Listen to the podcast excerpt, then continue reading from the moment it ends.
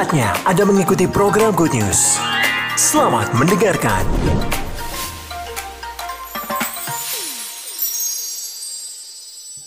Shalom, saudara yang dikasih Tuhan. Dengan rasa syukur yang luar biasa kepada Tuhan.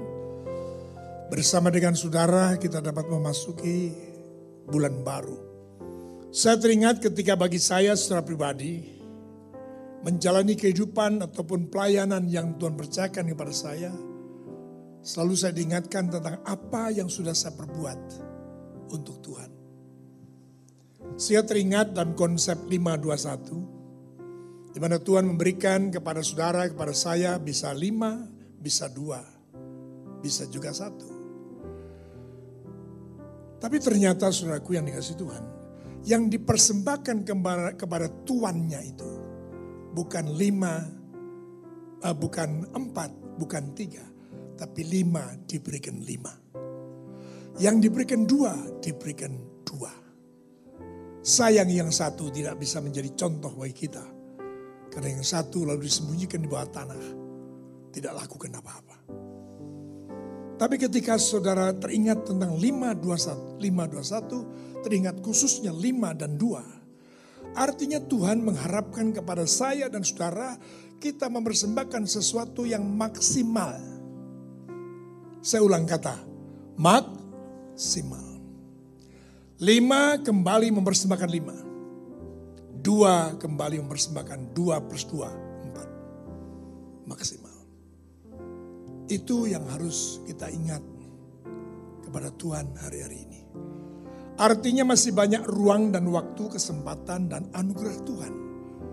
Karena tidak mungkin saudara dan saya melakukan dengan kekuatan sendiri.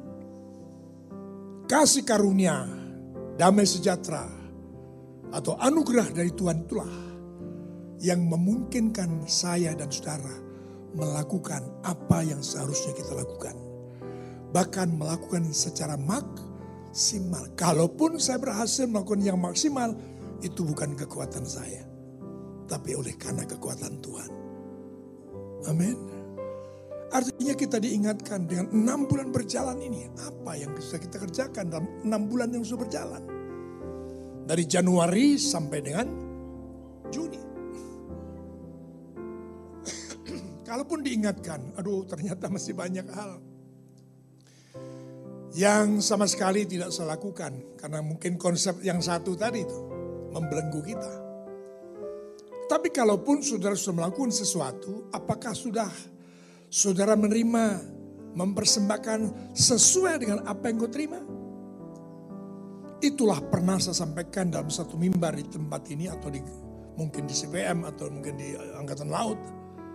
Saya menyampaikan 12 sampai 13 pernyataan profetik dari Tuhan yang antara lain adalah inilah waktunya untuk mempersembahkan atau membagikan segala sesuatu yang kita terima dari Tuhan kepada sesama kita. Contoh, kalau saya sudah menerima pengampunan dari Tuhan, maka saya wajib juga memberikan pengampunan kepada orang lain. Kalau ternyata saya sudah menerima keselamatan dari Tuhan, saya wajib bekerja, melakukan, berbagi kepada yang lain. Yaitu kesel keselamatan. Saudara yang dikasih Tuhan, mungkin saya pikir ada, kalau tidak salah saya itu teringat di Gajah Mada, eh di, sorry, di Angkatan Laut. ya. Tolong anu apa iPad saya, saya baca saja pernyataan setelah saya terima pernyataan Tuhan sejak Oktober tahun lalu sampai dengan bulan uh, Maret yang lalu. Saya bacakan ya, 12 saudara bisa simak baik-baik. Karena ini penting sekali menjadi ukuran bagi kita. Apa yang sudah kita lakukan kepada Tuhan sejauh ini. Saudara yang dikasih Tuhan, tadi yang satu sudah saya sampaikan, sekarang saya akan sampaikan uh, yang lain. Untuk kita dapat melakukan koreksi sejauh mana apa-apa yang sudah kita kerjakan selama ini. Pertama adalah gereja harus kembali kepada tempatnya. Agar berfungsi sebagaimana mestinya. Karena firman Tuhan berkata, kamulah garam dunia. Kamulah terang dunia. Ya jelas sekali. Kalau kamu menyalakan pelita, jangan kau taruh di bawah gantang. Tapi taruhlah di kaki tiang supaya terang semua. Gereja harus kembali pada tempatnya supaya berfungsi sebagaimana mestinya. Kedua, saatnya lah kita ini sekarang menjalani kehidupan selaras dengan doa kita. Kita jangan pandai berdoa naikkan doa syafaat. Tapi ternyata dalam kehidupan keseharian kita tidak selaras dengan harapan kita. Berdoa bagi bangsa, berdoa bagi gereja, berdoa bagi siapa pun. Lebih dahulu kita harus jalani sebagaimana doa-doa kita. Yang ketiga memberkati sesama dengan apa yang telah kita terima dari Tuhan yang saya sampaikan tadi. Inilah kesempatannya. Bagi, bagi, bagi. Karena Tuhan memang menempatkan kita sebagaimana murid-murid Yesus kita kedapatan 5.000 orang lapar. Ya tidak punya makanan. Ada seorang yang menyerahkan dua ikan dan lima ketul roti. Perintah Yesus mengatakan, suruh duduk mereka semua. Sejak saat itu dia mengangkat berkat itu ke atas. Dinyatakan mohon berkat pada Allah Bapa. Mulai dia nyuil. Roti secuil, ikan secuil. Dibagikan pada murid tidak ada di situ ditulis, maka muridnya ngemplok lebih dulu. Tidak ada. Dibagikan paling. Terus terjadi mujizat. 5.000 orang lebih makan kenyang lebih 12 bakul. Berikan tepuk tangan saudara begitu. Ini waktunya berbagi. Yang keempat menempatkan Yesus sebagai penebus, sebagai pengajar, sebagai penuntun. Bisa jadi kita bangga-bangga saya sudah ditebus Tuhan, saya manusia baru, saya orang Kristen. Itu berhenti. Hanya menempatkan Yesus sebagai penebus. Tapi nggak mau diajar. Tidak mau menempatkan dirinya sebagai murid. Ada yang sudah mau diajar. Ada yang sudah mau jadi murid. Tapi merasa ngerti semuanya. Nggak mau dituntun oleh Tuhan.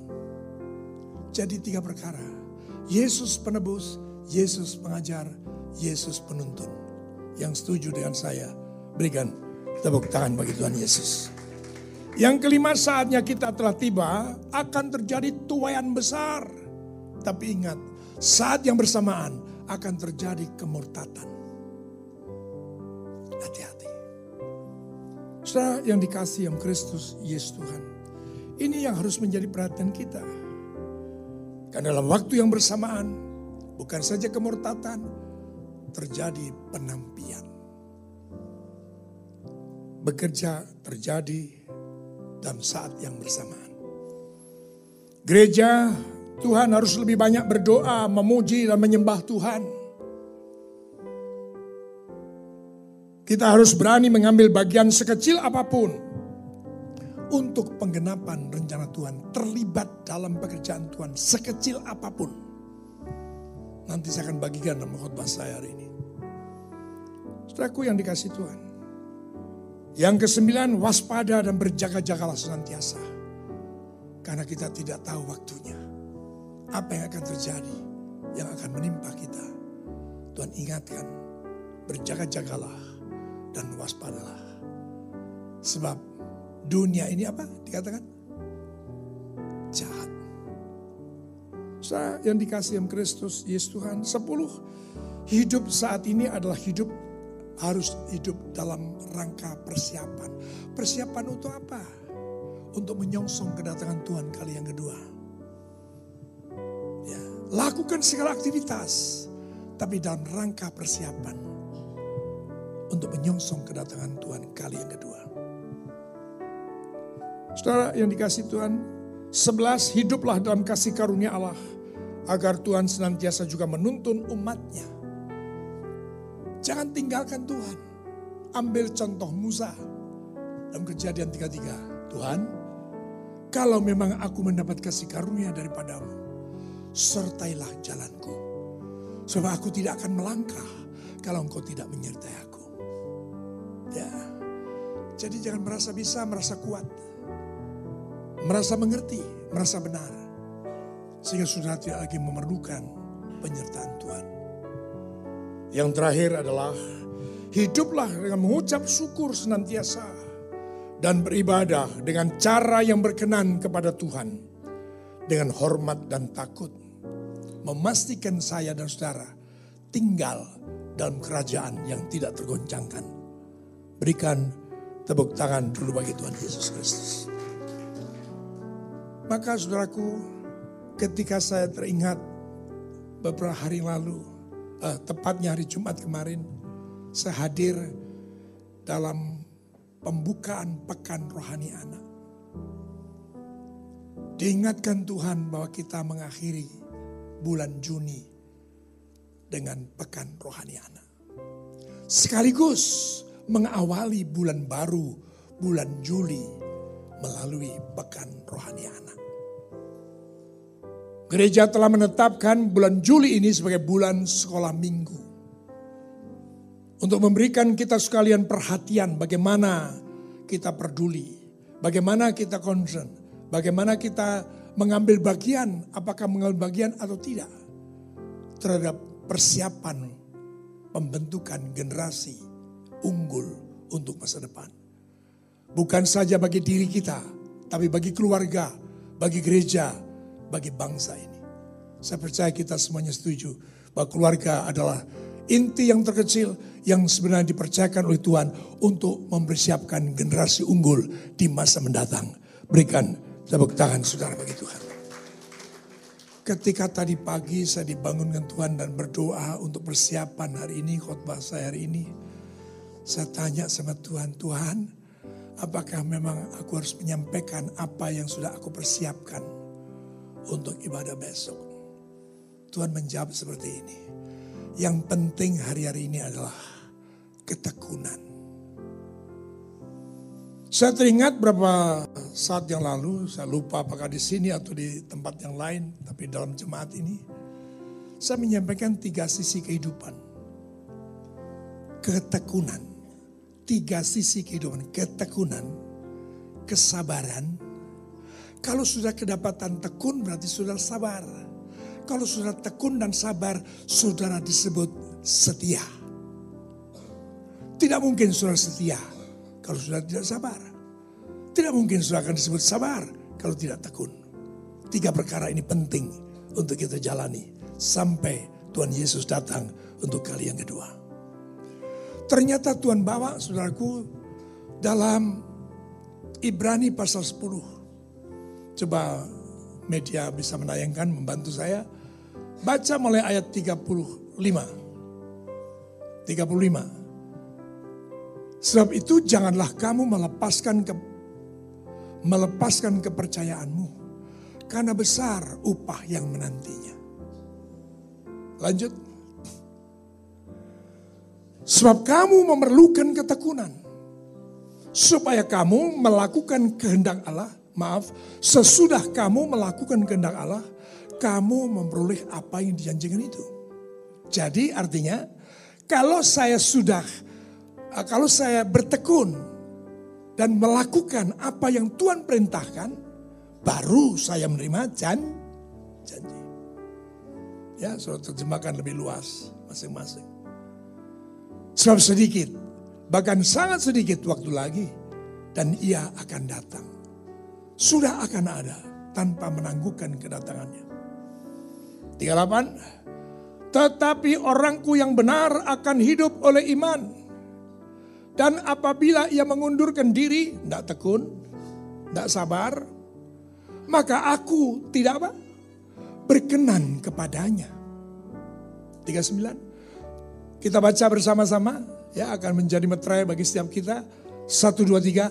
Tetapi kita bukanlah orang-orang yang mengundurkan diri dan binasa. Tetapi orang-orang yang percaya dan beroleh hidup. Berikan tepuk tangan bagi Tuhan Yesus. Sementara arahkan pada ayat yang ke-38 kembali. 38. Tetapi orangku yang benar akan hidup oleh iman. Dan apabila ia mengundurkan diri, kehilangan ketekunan, kehilangan kesabaran, kehilangan kesetiaan, maka aku tidak berkenan kepadanya. Ini yang harus kita pergumulkan, kita buktikan. Jangan sampai seorang pun saudara yang hadir pada saat ini kedapatan tidak berkenan. Oleh karena kita mundur, memundurkan diri. Sudah melayani, mundur. biasa ibadah, tidak ibadah. Dan segala macam yang bisa sudah mengerti pengertian tentang mengundurkan diri. Maka sekarang saudaraku karena ini bulan sekolah minggu. Saya ajak saudara apa yang saya persiapkan untuk saudara. Ya, coba ditayangkan apa yang saya persiapkan. Kita harus mengejar sesuatu yang berkenan di hadapan Tuhan. Hidup kita harus berkenan. Apakah pagi hari, sore hari, malam hari, pada saat kita makan, pada saat kita mandi, pada saat kita pergi, pada saat di mana pun kita ada, pada saat kita suka, pada saat kita duka, ada masalah, tidak ada masalah, Tuhan tetap mendapati saudara dan saya berkenan di hadapan Tuhan. Amin. Ini yang harus kita pegang. Nah, salah satunya pagi hari ini adalah hidup berkenan sebagai keluarga dalam rencana Allah. Kita baca kitab ulangan, pasal yang ke-6, dimulai baca mulai ayat yang keempat sampai ke-13. 4 sampai 13 ulangan 6. Dengarlah hai orang Israel, Tuhan itu Allah kita, Tuhan itu Esa Kasihlah Tuhan Allahmu dengan segenap hatimu dan dengan segenap jiwamu dan dengan segenap kekuatanmu. Aku, ah, maaf, apa yang kuperintahkan kepadamu pada hari ini haruslah engkau perhatikan. Haruslah engkau mengajarkannya berulang-ulang kepada anak-anakmu dan membicarakannya apabila engkau sedang uh, duduk di rumahmu, apabila engkau sedang dalam perjalanan, apakah engkau berbaring dan apabila engkau bangun. Haruslah juga engkau mengingatkannya sebagai tanda pada tanganmu. Dan haruslah itu menjadi lambang di daimu. Dan haruslah engkau menuliskannya pada tiang pintu rumahmu dan pada pintu gerbangmu. Maka apabila Tuhan Allahmu telah membawa engkau masuk ke negeri yang dijanjikannya dengan sumpah kepada nenek moyangmu, yaitu Abraham, Ishak dan Yakub, untuk memberikannya kepadamu kota-kota yang besar dan baik yang tidak kau dirikan. Rumah-rumah penuh berisi berbagai-bagai barang baik yang tidak kau isi. Sumur-sumur yang tidak kau gali. Kebun-kebun anggur dan kebun-kebun zaitun yang tidak kau tanami. Dan apabila engkau sudah makan dan menjadi kenyang, 12 perhatikan, maka berhati-hatilah supaya jangan engkau melupakan Tuhan yang telah membawa kamu keluar dari tanah Mesir, dari rumah perbudakan. 13, engkau harus takut akan Tuhan Allahmu. Kepada dia haruslah engkau beribadah. Dan demi namanya harus engkau bersumpah. Katakan amin. Berbagai kita yang mendengar firman Tuhan. Yang menyimpan dalam hati merenungkan siang dan malam, terlebih yang melakukannya. Izinkan saya turun. Pak Chandra akan bantu saya. Ya, saya merasa lebih bebas ada di bawah. Nggak usah. Ya nanti kalau minta kursi ya tolong ojo digai pacul. Dan jalur kursi ya ke anak kursi. Puji Tuhan, saudara kasih Tuhan. Firman Tuhan ini cerita tentang bangsa Israel. Di mana Israel telah ditetapkan Tuhan sebagai bangsa pilihan. Dimulai dari keluarnya rumah perbudakan Mesir, keluar dari Mesir oleh pimpinan Musa, menyeberangi Laut Teberau, 40 tahun berjalan di padang gurun, untuk masuk ke negeri perjanjian Kenapa Israel dipimpin, dituntun Tuhan masuk ke negeri perjanjian? Karena Tuhan sudah terikat dengan perjanjiannya dengan Abraham. Yaitu menjadikan bangsa pilihan Israel itu menjadi berkat bagi bangsa-bangsa. Saudara yang dikasihi Tuhan, sudah tahu bagaimana perjalanan Israel. Bahkan sampai hari ini pun. Tapi saya mengarah kepada catatan Israel sebagai bangsa pilihan. Dipimpin dan ketika itu Musa sebagai pemimpin Israel diperintahkan untuk mempersiapkan bangsa Israel. Bangsa Israel tidak hanya terdiri dari orang tua, tapi juga ada anak-anak. Diperintahkan oleh Tuhan untuk mempersiapkan generasi agar ketika mereka masuk ke negeri perjanjian, limpah susu dan madunya, diberkati luar biasa, fasilitas semuanya tersedia. Ayat 12 tadi mengatakan, hati-hati Jangan sampai kamu melupakan Tuhan Allahmu. Jadi Musa mendapat perintah untuk mempersiapkan satu generasi yang hidup takut akan Tuhan. Yang tetap setia kepada ikatan perjanjian. Israel dipimpin, Israel dipilih dengan tujuan utama Tuhan.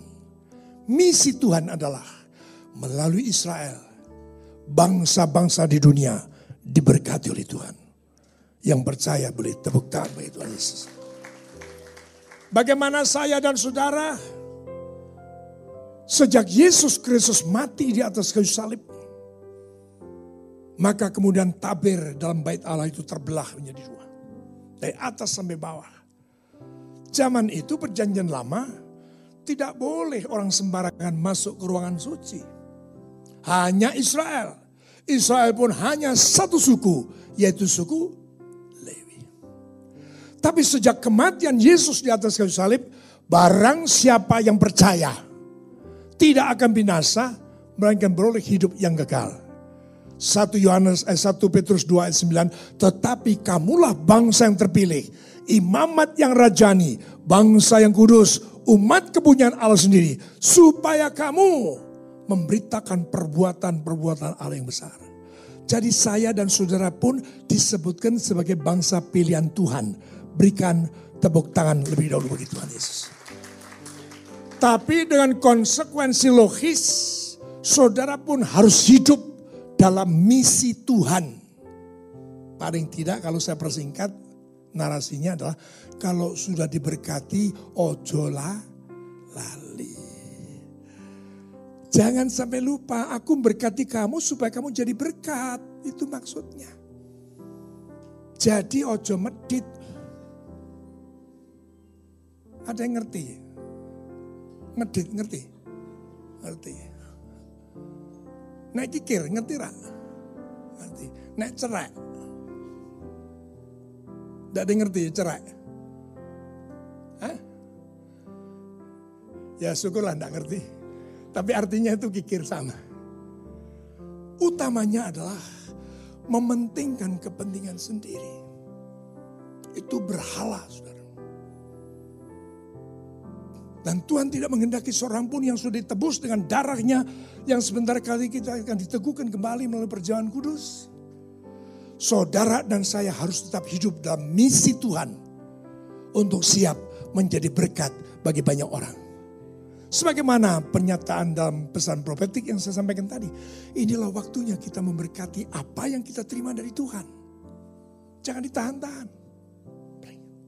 Terima kasih, terima kasih, terima kasih. Lawek kunti. Kira-kira gitu ya. Engkau akan semakin diberkati.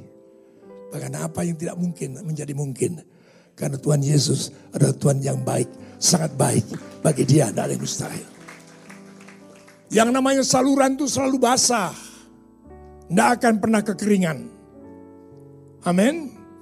Ini yang ingin saya sampaikan bagi kita sekalian hari ini. Dan lebih khusus lagi adalah bagaimana peran kita sebagai orang tua. Bagaimana kondisi keluarga kita.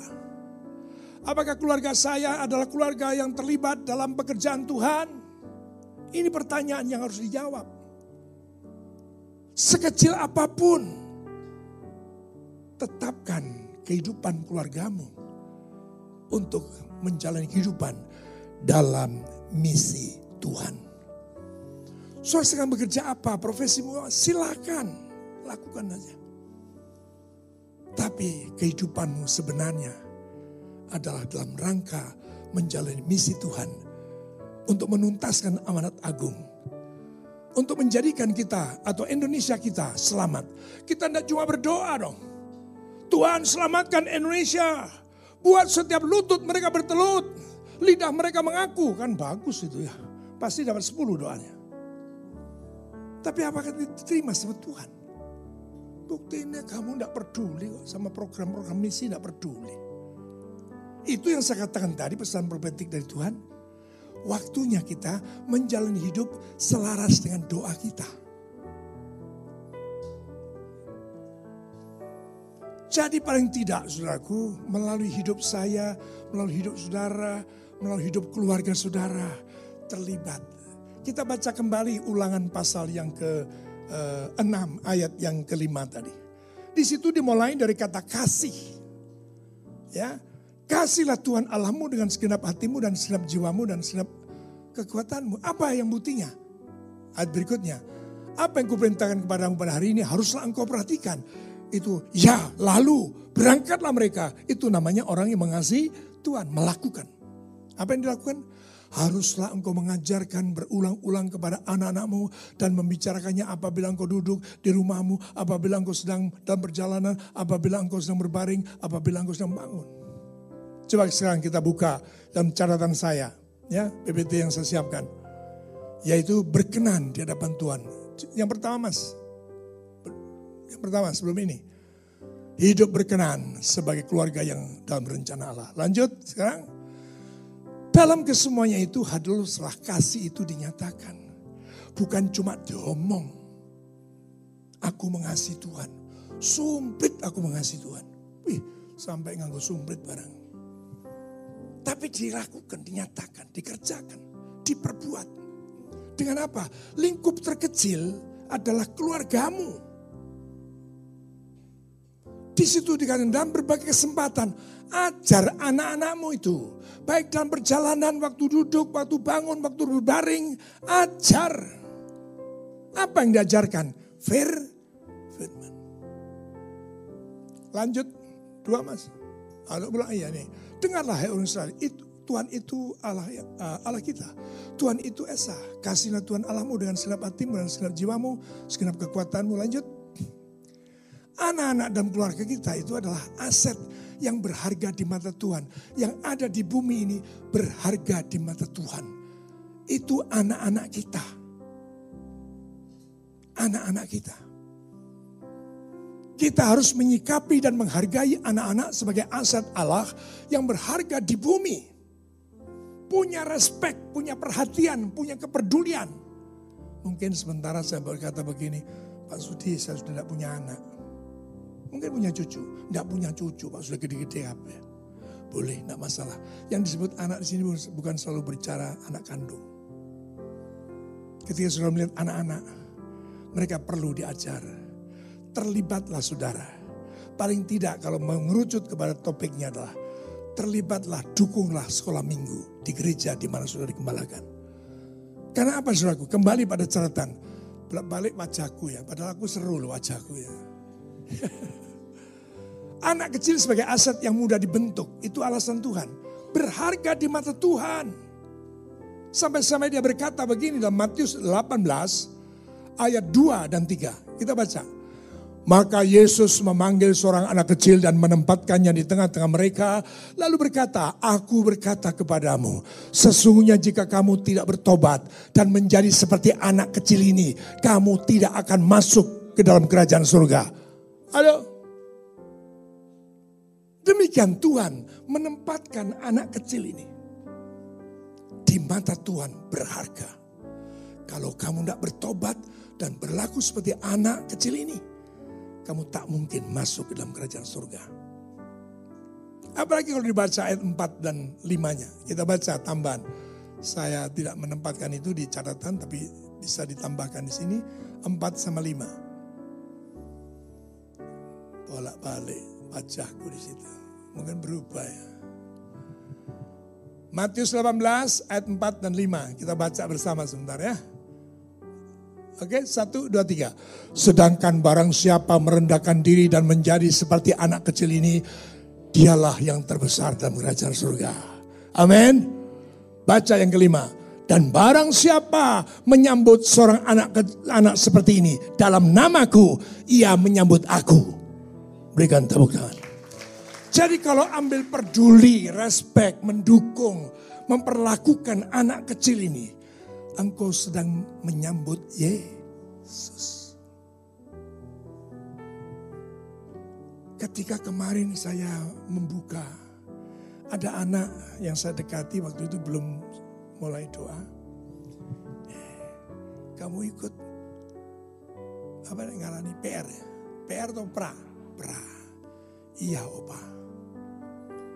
Ini hari libur ya? Iya opa. Kamu enggak kepengen jalan-jalan liburan gitu?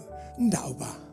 Aku sama mama sama papa disuruh pra. Oh hebat. Jawaban begini enggak mungkin dari anak sini. Kalau bapak ibunya enggak ngajarin. Amin. Saya waduh bagus ini. Ya. Sehingga saya sangat respect dan saya sangat tersentak gitu ya. Terbangun, kaget, dan sadar bahwa keluarga ini merupakan institusi yang menjadi perhatian Tuhan. Yang dominan untuk mampu membentuk anak-anak bagi generasi mendatang sebagai anak-anak yang takut akan Tuhan, yang menjauhi kejahatan dan hidup dalam kebenaran untuk menjadi terang dan garam bagi bangsa kita Indonesia yang kita cintai. Amin. Jangan sampai kemudian saudara sebagai orang tua atau bagian dari satu keluarga yang sama sekali tidak punya empati pada anak. Mungkin di rumah nggak ada anak, di gereja ini ada anak. Kalau tidak salah sekarang sedang berlangsung ya, sekolah minggu. Mari kembalikan, ojo wajah kunail. Aku ngerti kok. Gitu. Yes, loh, balik nah. Anu ya catatan saya aja. Nah oke, okay. ya. Jadi saudaraku, keluarga ini harus bertanggung jawab dan menjadi kawan sekerja Allah. Ikut menuntaskan amanat agung. Tuhan tidak menuntut pekerjaan yang besar dari saudara. Kecil, tapi itu bagian dalam rencana Tuhan. Itu bagian daripada misi Tuhan. Lakukan. Dia mendidik dan menjadi teladan bagi anak-anak kita untuk mengenal Tuhan dan hidup takut akan Tuhan yang tidak suka melanggar. Saya sering kali merhatikan di lalu lintas Indonesia sekarang ini saudaraku yang namanya sepeda motor ya wer, depan itu ada anak kecil. Kira-kira sudah anak SD lah kira-kira di biasanya laki yang di atas depan. Di belakang istrinya, di tengah antara suami dan istrinya ada anak perempuan lagi. Tapi apa? Melanggar rambu dianggap biasa. Apakah anak ini tidak ngerekam? Oh bapakku biasa ngelanggar. Melanggar itu biasa. Tidak melanggar itu tidak biasa. Jadi jangan heran kalau Indonesia sekarang ini dikenal dengan orang-orang yang suka melanggar. Termasuk yang terutama adalah korupsi. Itu karena hasil bentukan keluarga-keluarga yang tidak mau peduli, yang tidak mau apa namanya perhatikan bagaimana anak-anak. Saya katakan sekali, makanya dua kali saya menyatakan ini. Saya membaca satu narasi di Jepang, guru-guru di Jepang tidak marah kalau anak-anak didiknya itu tidak garap PR. Tapi dia akan marah kalau kedapatan anak didiknya hidup tidak tertib, suka melanggar peraturan, tidak mau ngantre dalam kegiatan. Marah baru ditegur. Ini pentingnya pendidikan orang tua. Yang lebih mengutamakan karakter. Bukan soal kepandaian. Pinter, nah orang punya mental. Ya, tidak punya karakter. Apa jadinya? Pinter boleh, harus bisa jadi. Tapi jangan lupa karakter dan mentalitas yang sehat. Yang setuju saja dengan saya berikan tepuk tangan bagi Tuhan Yesus. Maka kita saudaraku dengan memiliki karakter sebagai anak-anak kerajaan, membentuk anak-anak kita memiliki sebagai anak-anak kerajaan yang memberi dampak dan pengaruh kepada dunia ini. Bukan dunia membentuk mereka, bukan dunia menjadi mentor mereka. Tapi orang tua yang harus jadi mentor anak-anak. Ini yang harus kita bentuk, kita bangun, kita harus lakukan sejak hari ini.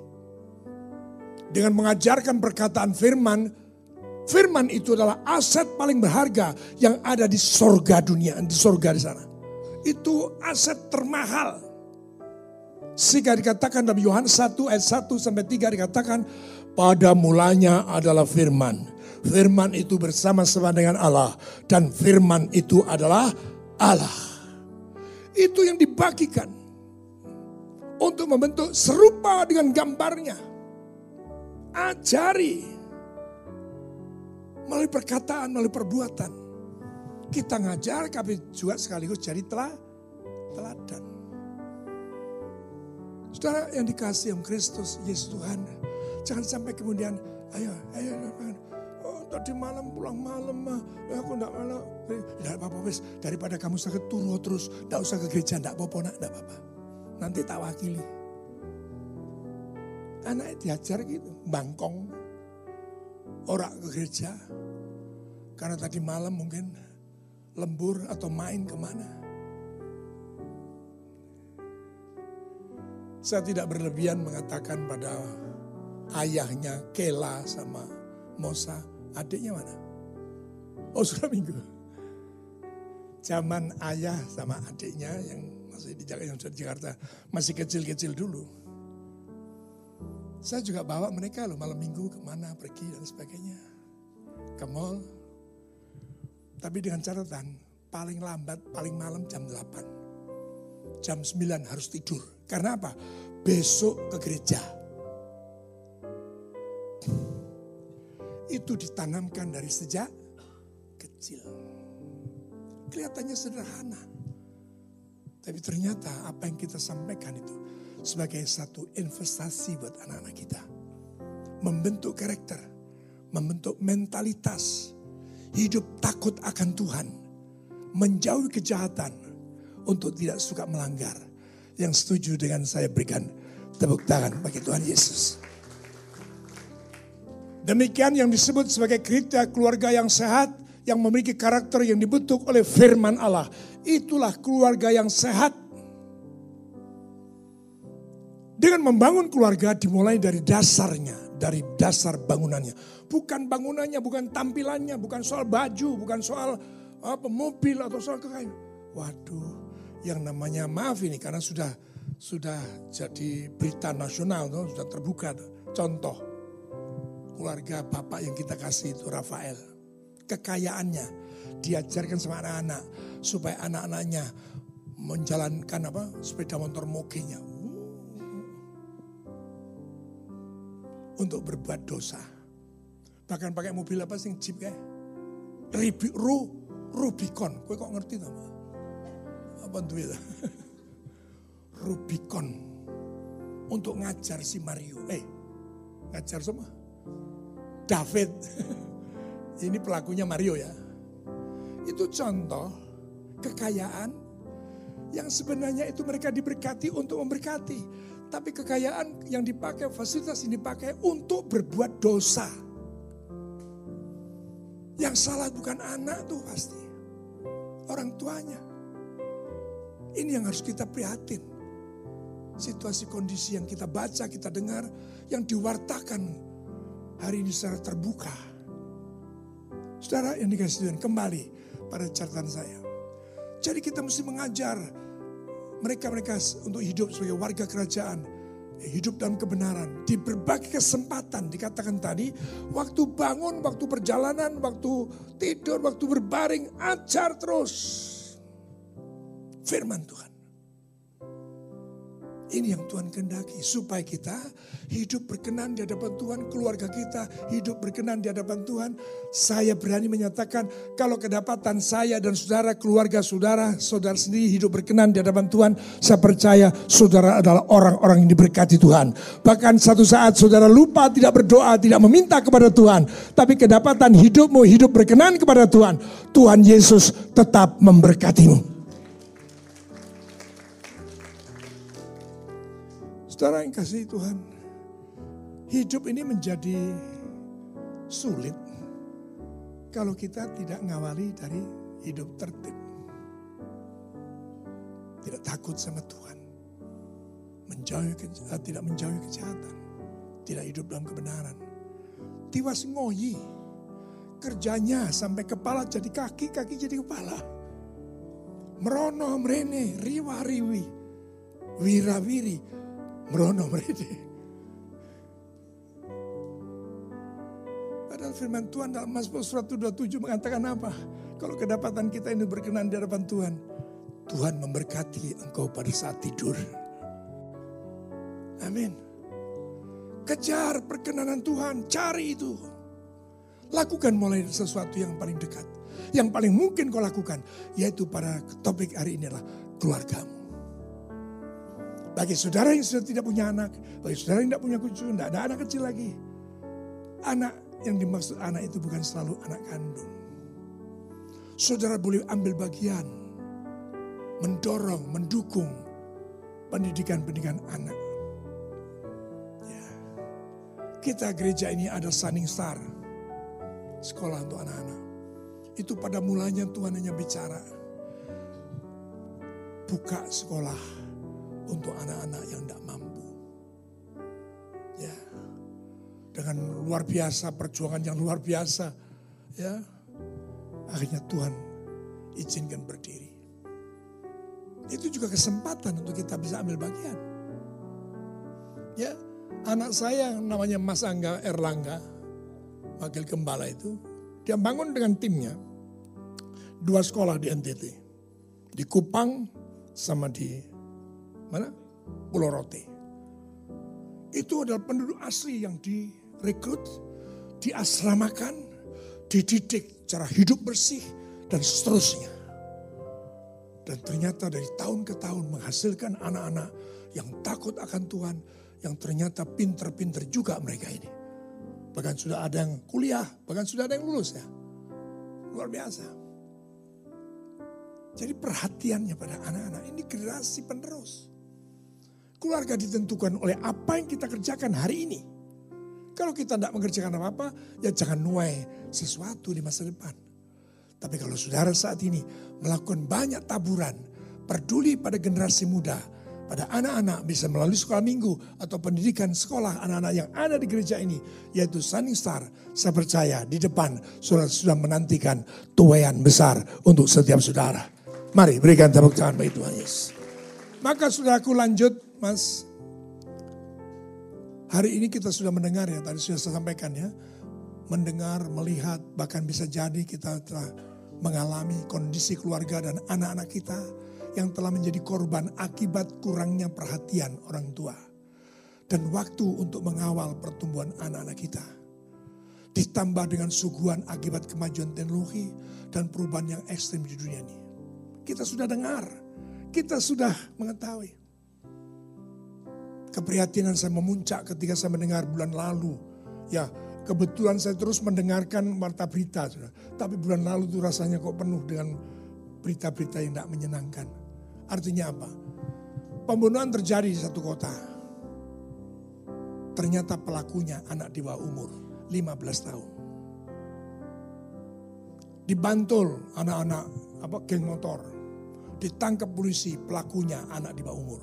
Karena pada waktu naik sepeda motor mereka bawa pedang. Itu. Kemudian saya mendengar lagi ada apa namanya? pemerkosaan yang diperkosa anak 15 tahun. Pelakunya juga teman sekolahnya. 15 tahun sudah melakukan kekerasan seksual. Lebih lagi, ternyata di Surabaya di dua tempat hari yang sama saya mendengar dari radio SS apa SS Suara Surabaya di tempat yang berbeda. Pelakunya anak-anak 15 tahun. Melakukan kekerasan seksual, dibunuh dan dimutilasi. Anak 15 tahun. Kesulitan hukum untuk menyalahkan si anak. Masih di bawah umur. Sebenarnya siapa yang salah? Orang tua. Kita tidak ingin berita seperti ini terus menjadi viral. Ya, mari kita stop. Minimal melalui keluarga kita. Yang setuju dengan saya, mari berikan tepuk tangan bagi Tuhan Yesus. Ya, kita harus segera lakukan ini. Karena apa? Teknologi maju itu tidak bisa dihambat. Perubahan-perubahan zaman, perubahan segala sesuatu tidak bisa dihambat. Yang bisa dibentuk, yang bisa menghadang saudara dan saya sendiri. Keluarga kita. Yang harus kita benahi. Jadi jangan sampai kita lost. Terserah. Ah, anak wis gede kok. Sudah bisa ngerti mana yang benar, mana yang tidak. Eh. Jangan. Selagi kita bisa, selagi kita hidup, selagi kita bisa berkata. Jangankan kepada anak-anak, kepada sesama yang sudah dewasa pun, kalau kita tahu dia akan sedang merencanakan kejahatan, Tuhan perintahkan, sadarkan dia, ingatkan dia. Amin. Bukan saja pada anak. Ya. Maka lanjut, ini habis selesai. Ya, nah, artinya firman Tuhan, sorry 4B-nya di bawahnya ini. Setiap firman yang diberitakan itu kesempatan bagi kita untuk berbenah diri. Jangan pernah berkata terlambat. Wah saya sudah tua, saya sudah tidak punya anak. Tapi sudah bisa melakukan tanpa saudara mungkin bergerak ke sana kemari, tapi mendukung kegiatan-kegiatan seperti ini. Lanjut lima. Untuk memasuki satu kehidupan yang diberkati dan memberkati. Untuk kita bisa hidup dalam takut akan Tuhan. Seperti yang ditulis dalam ulangan 10, ulangan 6 ayat 10 sampai 13 tadi. Ya, maka apabila Tuhan Allahmu telah membawa engkau masuk ke negeri yang dijanjikan, ya dengan sumpah kepada nenek moyangmu yaitu Abraham, Ishak dan Yakub untuk memberikannya kepadamu kota-kota yang besar dan baik yang tidak kau dirikan, rumah-rumah yang penuh berisi berbagai-bagai barang baik yang tidak kau isi, sumur-sumur yang tidak kau gali, kebun-kebun anggur dan kebun zaitun yang tidak kau tanami. Dan apabila engkau sudah makan dan menjadi kenyang, perhatikan, 12. Maka berhati-hatilah supaya jangan engkau melupakan Tuhan yang telah membawa kamu keluar dari tanah Mesir, dari rumah perbudakan. Engkau harus takut akan Tuhan Allahmu dan kepada dia haruslah engkau beribadah dan demi namanya haruslah engkau bersumpah. Amin. Jadi kalau sudah enak hidupnya, jangan lupa Tuhan. Ya. Ingat Israel menjadi contoh. Ketika mereka sudah masuk ke negeri perjanjian. Hidupnya seperti ini melupakan Tuhan. Dibuang oleh Tuhan ke Babelonia. 70 tahun. Karena mereka tidak hidup dalam misi Tuhan. Tidak hidup dalam rencana Tuhan. Saya berdoa sudah menangkap berita ini. Dan sekalian kita tetapkan aku bersama dengan keluargaku tetap beribadah kepada Tuhan Yesus dan hidup dalam misi Tuhan yang ada. Yang mendengar, yang mau berikan tepuk tangan. Sama seperti Joshua pada pasal 24 ayat 15 mengatakan, Aku dan seluruh rumahku akan beribadah kepada Tuhan Allahku. Bagi kamu pilih hari ini. Tapi Joshua mendahului menyatakan ini. Lanjut. Untuk itu jangan sampai kita melupakan Tuhan. Melupakan kebaikan Tuhan. Yang telah menuntun kita masuk ke negeri perjanjian. Masuk menuntun kita pada kehidupan penuh berkat. Jangan lupakan Tuhan. Terus tujuh terakhir. Keluarga adalah institusi terpenting untuk membentuk mentalitas generasi. Yang setuju keluarga adalah institusi yang dominan menentukan masa depan. Berikan tepuk tangan yang lebih panjang bagi Tuhan Yesus. Soli Dio, Gloria. Tuhan Yesus memberkati kita semua.